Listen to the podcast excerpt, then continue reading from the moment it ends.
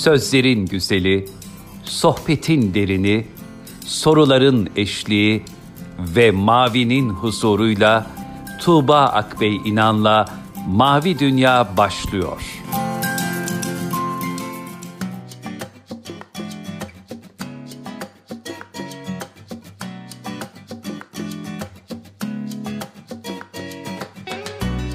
Merhaba sevgili dinleyenler. Tuğba Akbey İnan'la Mavi Dünya'ya hoş geldiniz. Bugün de yine kıymetli bir misafirimiz var. Drama lideri, eğitimci ve Defne'nin babası Güney Çınar bizlerle birlikte. Hocam hoş geldiniz programımıza.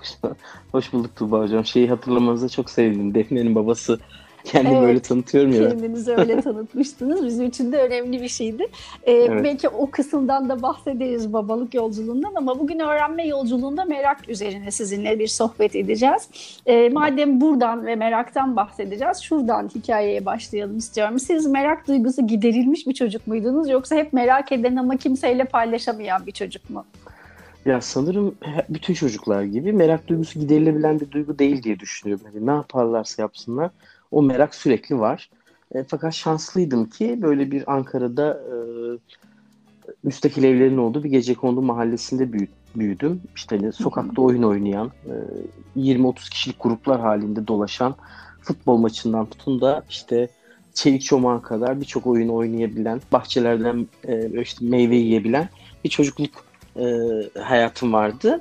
Ondan Hı-hı. dolayı da hani sahip olduğum merak e, duygusunun bir kısmını, büyük bir kısmını e, içinde bulunduğum ortam karşıladı tabii ki ama dediğim gibi merak duygusu sürekli bir duygu. Pek giderilemiyor kolay kolay.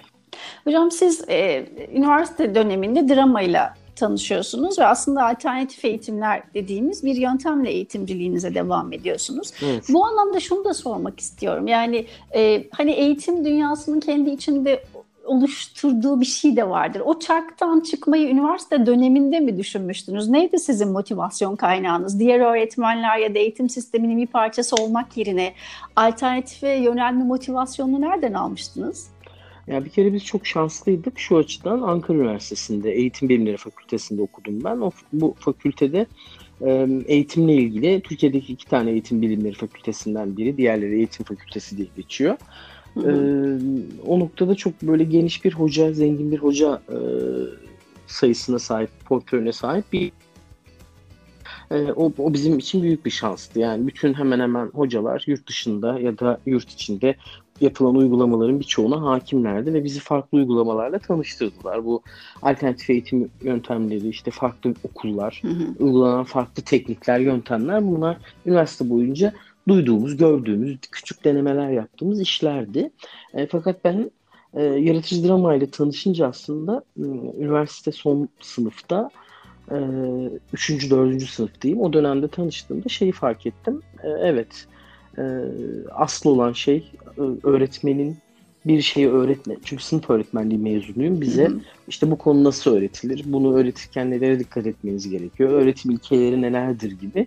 E, klasik öğrenme yaklaşımlarına dair e, iç, içerikler ya da ipuçları veriliyor. Fakat yaratıcı dramada şeyi gördüm. Aslında e, herhangi bir bireye herhangi bir şey öğretmeye gerek yok. E, siz sadece rehber olsanız hatta mümkün olduğunca az gözükseniz e, öğreten kişi rolüyle hı hı. E, daha keyifli, daha yaratıcı ortamlar yaratabiliyorsunuz. Sınırı daha geniş, daha esnek. Yaratıcı drama böyle bir farkındalık yarattı. Ondan sonra da böyle o merak, bendeki o merak biraz daha e, derinleşti. Peki hocam şunu nasıl aşıyorsunuz kendi iç dünyanızda? Nihayetinde hepimiz bu öğretme merakıyla büyümüş bir eğitim hayatından e, geçiyoruz. Ve işte hani gerçekler söz konusu olduğunda velilerin öğretme merakı, çocuklarının e, öğrenmesine güven duymama halleri her zaman karşınıza çıkıyor. Bu anlamda bu halde kalabilmek için ne yapmaya özen gösteriyorsunuz? Çünkü hep şey derler ya gerçekler işte öyle değil bir bakayım falan diye evet. bir motivasyon kırıcı şeyler söylerler. Onu da devam ettirme nasıl mümkün oluyor sizin için? Yani aslında şöyle baktığınızda e, bizim e, üniversitede bir e, yurt dışında bir okul modeli üzerinde çalışılıyordu. E, onun, onun üzerine konuşuluyordu bir çalıştay tarzı bir toplantıda. Orada şöyle bir şey vardı. Çocuklar okula geliyor. Geldikleri zaman e, bunu hangi hocamız anlatıyordu hatırlamıyorum ama bir profesör E, işte çocuk çocuklar okula geliyor. Norveç'te sanırım bir okul. E, okula geliyorlar ve öğretmenler o gün yapacakları ders tasarımlarını hazırlıyorlar. Diyorlar ki işte ben bugün suyun kaldırma kuvvetini anlatacağım ama şu etkinlikle anlatacağım. Ben bugün e, pazarlama taktiklerini anlatacağım ama yapacağım iş bu. Çocuklar dolaşıyor. Yaş farkı gözetmeksizin yani birinci sınıfta, dördüncü sınıf aynı sınıfta olabilirler. Kendi ilgi duydukları sınıfa derse giriyorlar. Ee, ya da konuyu seçiyorlar. Arkasından ya da merak eden hiç e, o derslerden hiçbirini merak etmeyen bir çocuk da gidip tüm günü işte deniz kıyısında, göl kıyısında bir okul balık tutarak geçirebiliyor hmm. demişti. Aynı sorular bizden de gelmişti. Hani peki bu çocukların bir okulda öğretilmesi gereken şeyleri e, öğrenip öğrenmediğiyle ilgili kaygılanmıyor buradaki insanlar, anne babalar ya da öğretmenler. Hı Orada hocamız şunu söylemişti. Demişti ki hani biz okulda öğretilmesi gereken şeyler aslında çocuklar değil bizler belirliyoruz, yetişkinler belirliyoruz. Bir kere çocukların öyle bir kaygısı yok. Oraya gönderen velilerin öyle bir kaygısı olduğunu düşünmüyorum. Fakat iş dönüp dolaşıp Türkiye'deki gibi biraz daha sonuç odaklı sistemlerin e, para ettiği yani değer gördüğü bir ülkeye geldiğinde e, şunu söylemişti bize milli eğitimin kazanımlarını vermek zorundasınız. Yani yaptığımız şey bizim şu değil ya da ya, yapmamız gereken şey şu değil. Tamamen farklı bir müfredat oluşturalım. Çocuklarla birlikte bir müfredat oluşturalım. Ve oluşturduğumuz müfredatı dünyanın gerçekleri doğrultusunda çocuklara öğretelim gibi bir şansımız da yok. Bunun için hazırlığımız da yok. O yüzden de yapmamız gereken şey şu. Milli Eğitim Bakanlığı'nın belirlediği e, müfredatları, çocuklara öğretilmesi gereken şeyleri öğreteceğiz yine. E, fakat bunu öğretirken sadece bir yol olarak e, alternatif yöntemleri kullanalım. e, en azından bunu öğreteceğiz. Yani 2 ile 2'nin 4 ettiğini öğretmemiz gerekiyor. Bunu e, dışsal bir motivasyonla öğretmeyelim. Yani işte e, Defne'nin babası dedik. Defne 4. sınıfta. Defne doğal sayılarda toplamayı öğrenecekse kızım bunu öğren 8. sınıfta bir sınava gireceksin. O sınavda bu, senin ihtiyacın olacak dediğimizde o, bu bir motivasyon kaynağı değil bir çocuk için. O yüzden bir yarışçı drama gibi, oyun temelli birçok yaklaşımda olduğu gibi ihtiyaca dönüştürdüğümüzde, merak duygusunu, o gerilimi yüksek tuttuğumuzda e, çocuklar bunu yine öğreniyor. E, bu yolu böyle aşıyoruz. Yani aslında öğrettiğimiz şey herhangi bir devlet okulunda ya da istediğimiz şey herhangi bir özel okulda e, klasik bir devlet okulu ya da özel okulda öğretilen şeyleri öğretiyoruz. Sadece bunları öğretirken e, kalıcı öğretmek ve çocukların başka becerilerini de e, geliştirmek gibi bir derdimiz Yani oluyor. hani sınav endişesi yaşayan veliye merak etmeyin biz sizin istediklerinizi de öğretiyoruz. Sadece yöntemi değiştiriyoruz gibi herhalde söylüyorsunuz. Aa, tabii yani hani e, okulumun adını söylemeden Aha. anlatayım bunu. Mesela biz e, 4-5 yıldır bu yolu uyguluyoruz. Geçen sene mesela geçen senede bu senede LGS'de Türkiye birincisi çıktı. İşte yüzde birlik dilime 10-11 tane öğrenci girdi.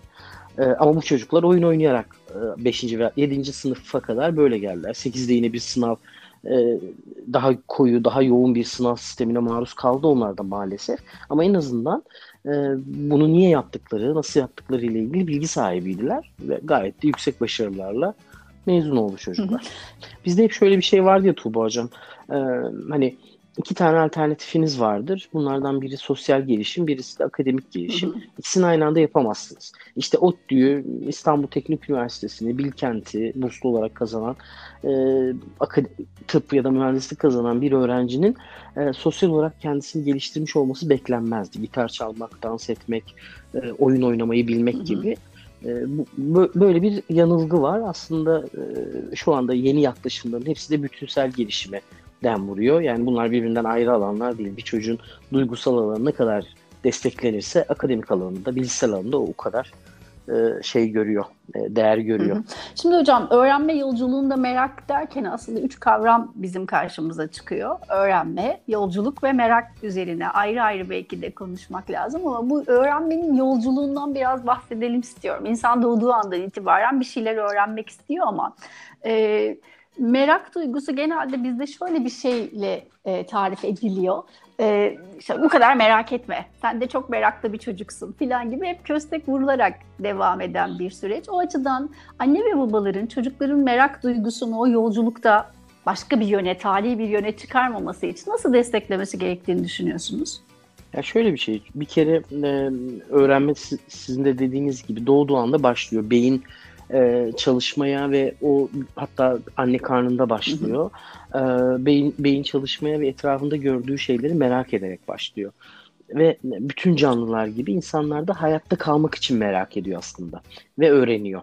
E, Soner Yıldırım hocamızın e, geçen bir canlı yayında da bahsetmiştim. Soner Yıldırım ODTÜ'de beyin temelli öğrenme noktasında çalışan bir hocamız. Onun şöyle bir benzetmesi vardı. Diyor ki hani e, insanoğlu e, bir şekilde hayatta kalabilmek için kullanabileceği en güçlü e, özelliği beyni yani düşünmesi ve zekası. O yüzden de bunu çok fazla kullandığı için de hafızaya atma, öğrenme bizde çok hızlı oluyor. Ama bir e, kuşta ya da bir aslanda buna gerek yok. Çünkü kuş uçabiliyor, kaçabiliyor. Aslan güçlü pençesi var, yırtıcı. Yani hayatta kalmak için başka becerilere ihtiyaç.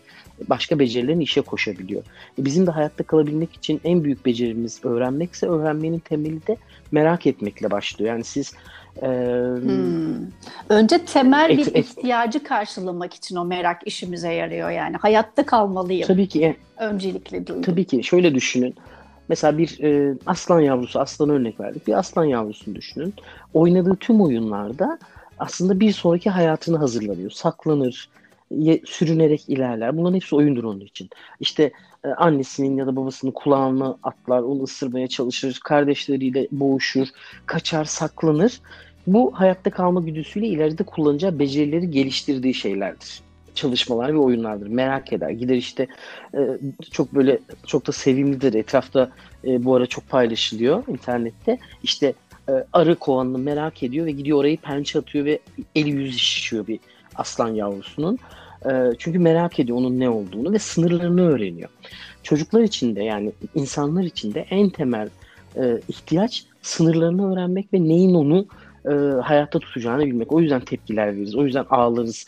E, ağlarız ve karnımızın acıktığını söyleriz.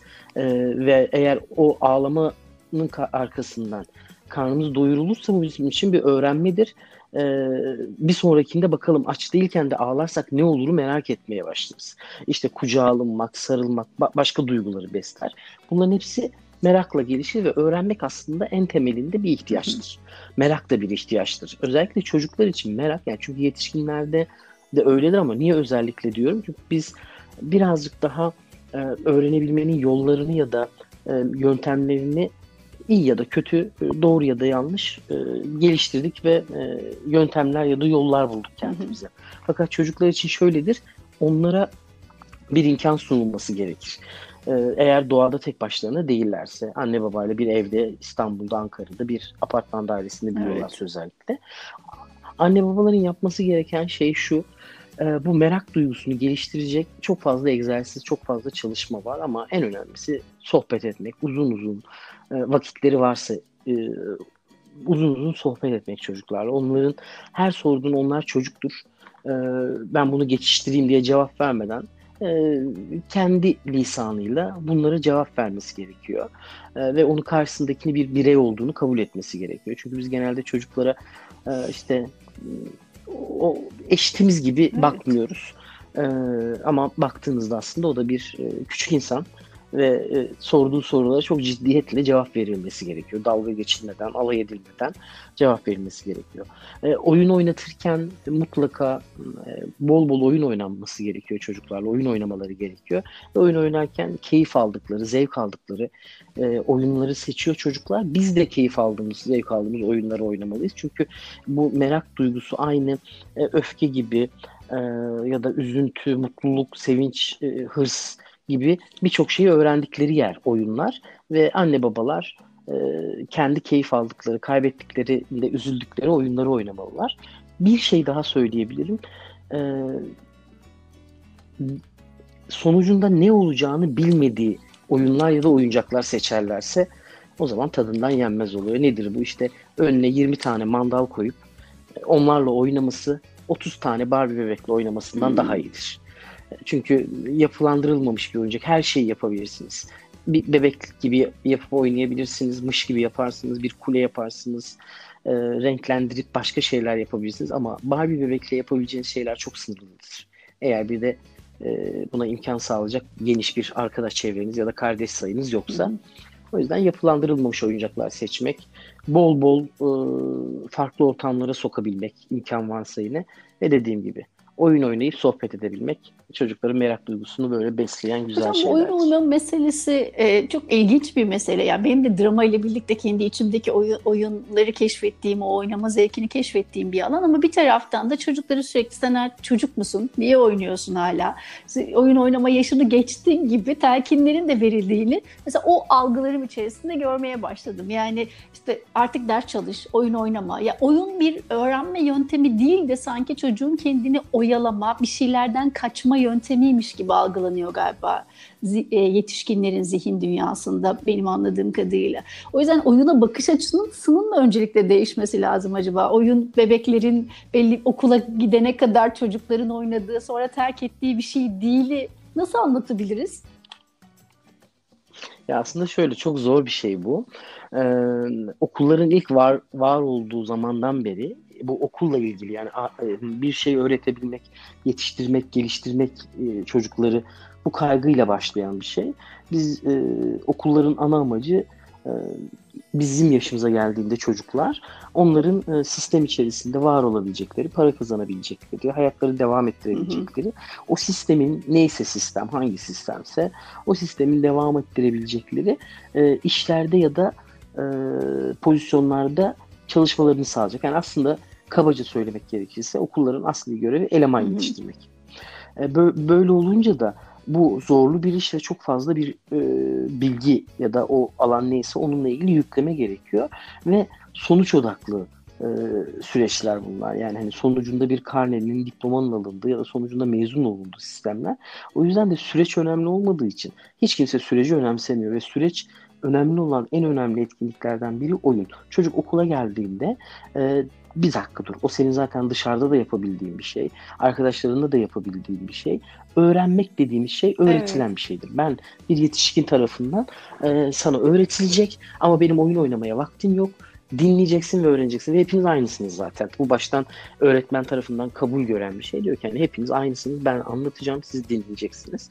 E, böyle başladığı zaman bunu yıkmak çok zor oluyor. Çok da uzun süre zor olacak. Ama şunu bilmek gerekiyor. Bütün e, bu biraz böyle hani bizim gibi, sizin gibi, bizim gibi e, insanların her seferinde söylemesiyle. Oyun, boş zaman etkinliği, oyun e, sadece eğlenme amaçlı kullanılan e, bir araç değildir. Oyun en etkili e, öğrenme aracıdır. E, bunun da en büyük ispatı dediğim gibi e, ne kadar çok oyun oynarsa o kadar iyi yerlere gelmiş e, insanların hayat hikayelerini dinlemekle geçiyor.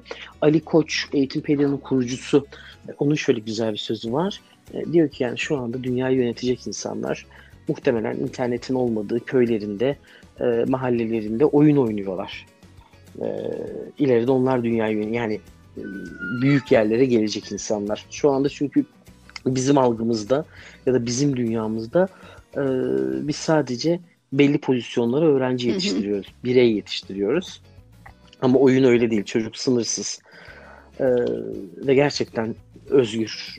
Bu ortamı da sağlayabilen şey, tek şey, yegane şey. Tek şey demeyeyim ama en büyük şey diyeyim oyun. Peki hocam şimdi e, dijital dünyada oyun vaadi var ve aslında söylediğiniz şeyi yani sonuçlarının ne olacağını bilmediği e, o duyguyu verebilecek çok önemli bir mecra dijital oyunlar. Çocuk sonucunu bilmediği bir dünyada ve bu onu devam etmesi için kolay, e, orada var olması için ihtiyaç halinde de görebiliyor. Bu da dijital oyunlara bakış açınız nedir? Onların merakla ilişkisini nasıl değerlendiriyorsunuz? Aslında şöyle bir şey e, insanların herhangi bir isteği karşılanmadığında ya da herhangi bir konfor alanından zorlama geldiğinde, o alan daraldığında bir, bu bir içsel gerilme neden oluyor. E, nedir mesela? Şimdi diyelim ki biz sizinle sohbet ediyoruz ama dışarıdan sürekli birisi sizi rahatsız ediyor. Bu sizin için bir gerilim e, ve beyin beyniniz daha hızlı çalışmaya başlıyor. Beyin e, işte teses östrojen, testosteron gibi hormonlar değil de mesela ismi şimdi tekrar dilimin ucunda. Hı. Kortizon. Kortizon salgılamaya başlıyor beyin ve kortizon salınımıyla birlikte e, bu nöronlar arasındaki iletişim hızlanıyor ve öğrenme ya da yeni fikirler üretme çıkıyor. İşte hemen gidip bir yol buluyorsunuz. Hem bunu bozmadan hem o dışarıdan gelen e, sizi engelleme, engelleyeceğini düşündüğünüz durumu bertaraf etmeye çalışıyorsunuz. Ve zihin normalde çalıştığından 10 kat 20 kat, 100 kat belki daha hızlı çalışıyor. Ee, burada dijital oyunlarda, normal oyunlarda aslında insandaki gerilim duygusunu ayakta tutuyor.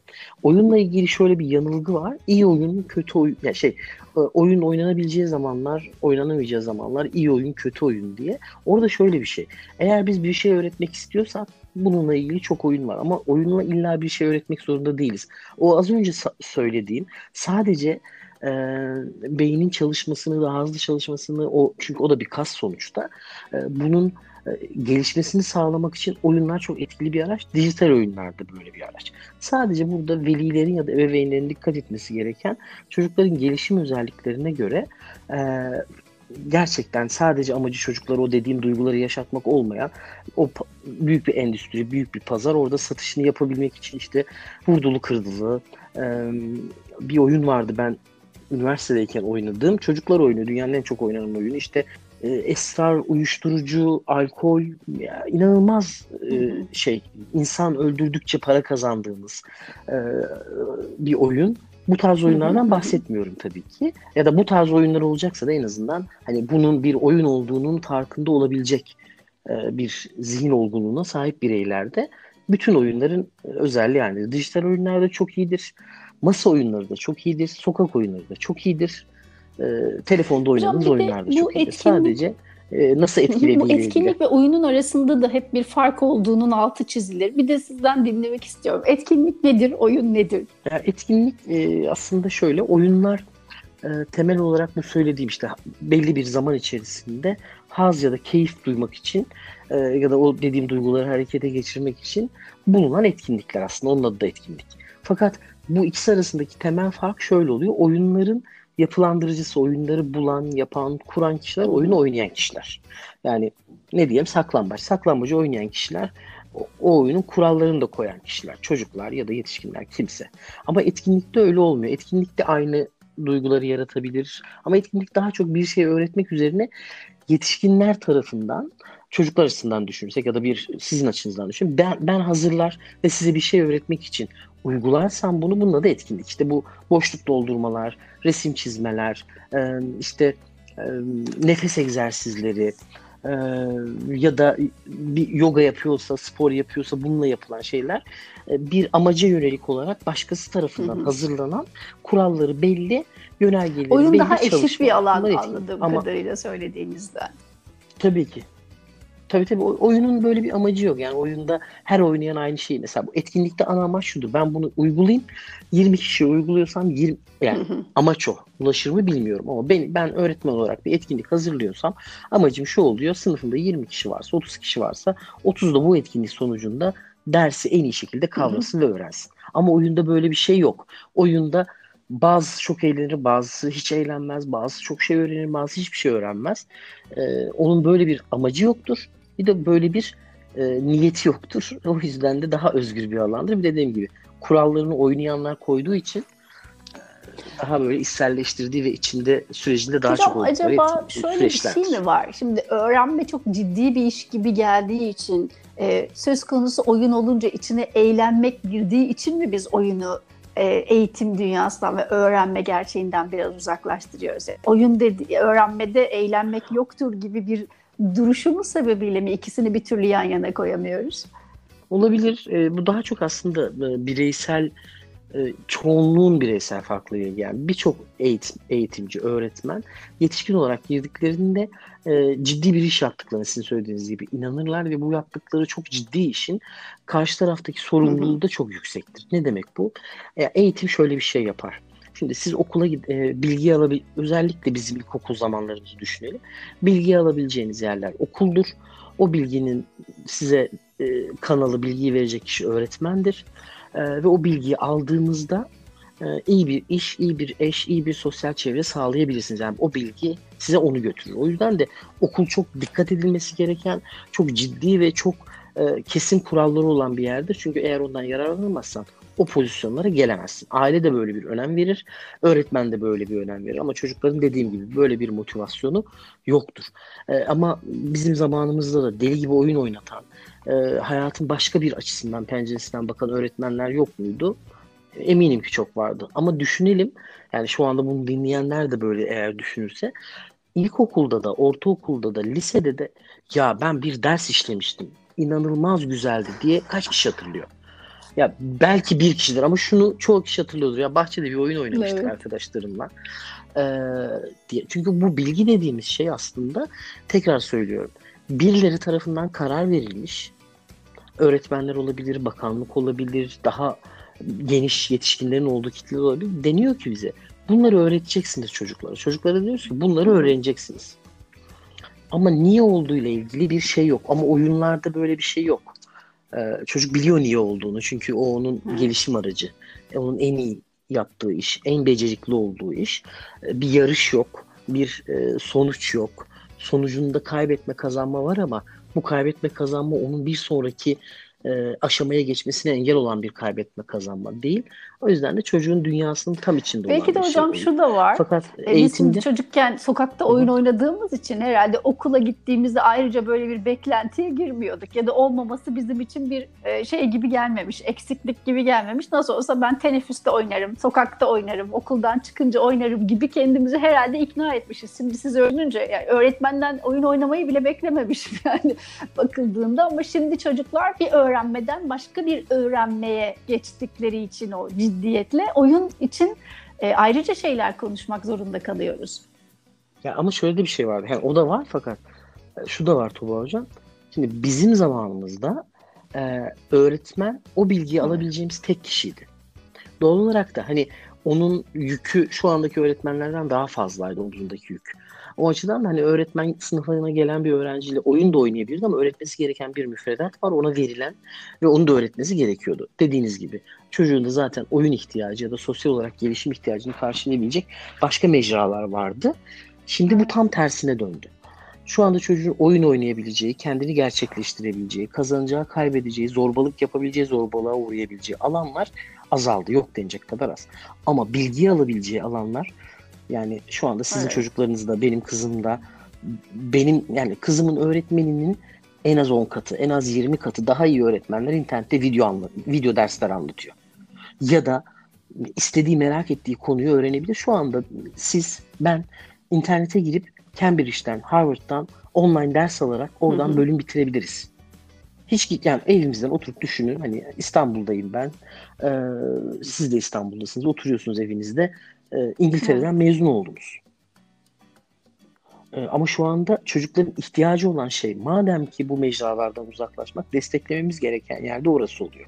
Bu çocukların birbirine temas etmesi, kendine Hı-hı. temas etmesi, ee, dediğim gibi yani zorbalığa uğraması, zorbalık yapması, akranlarıyla nasıl iletişim kurabileceğini, kendi yaşadığı dünyanın sınırlarının nerede başlayıp nerede bittiğini görebileceği yerler maalesef ki hala okullar. Keşke sokaklar olsaydı, evet. siteler, bahçeler.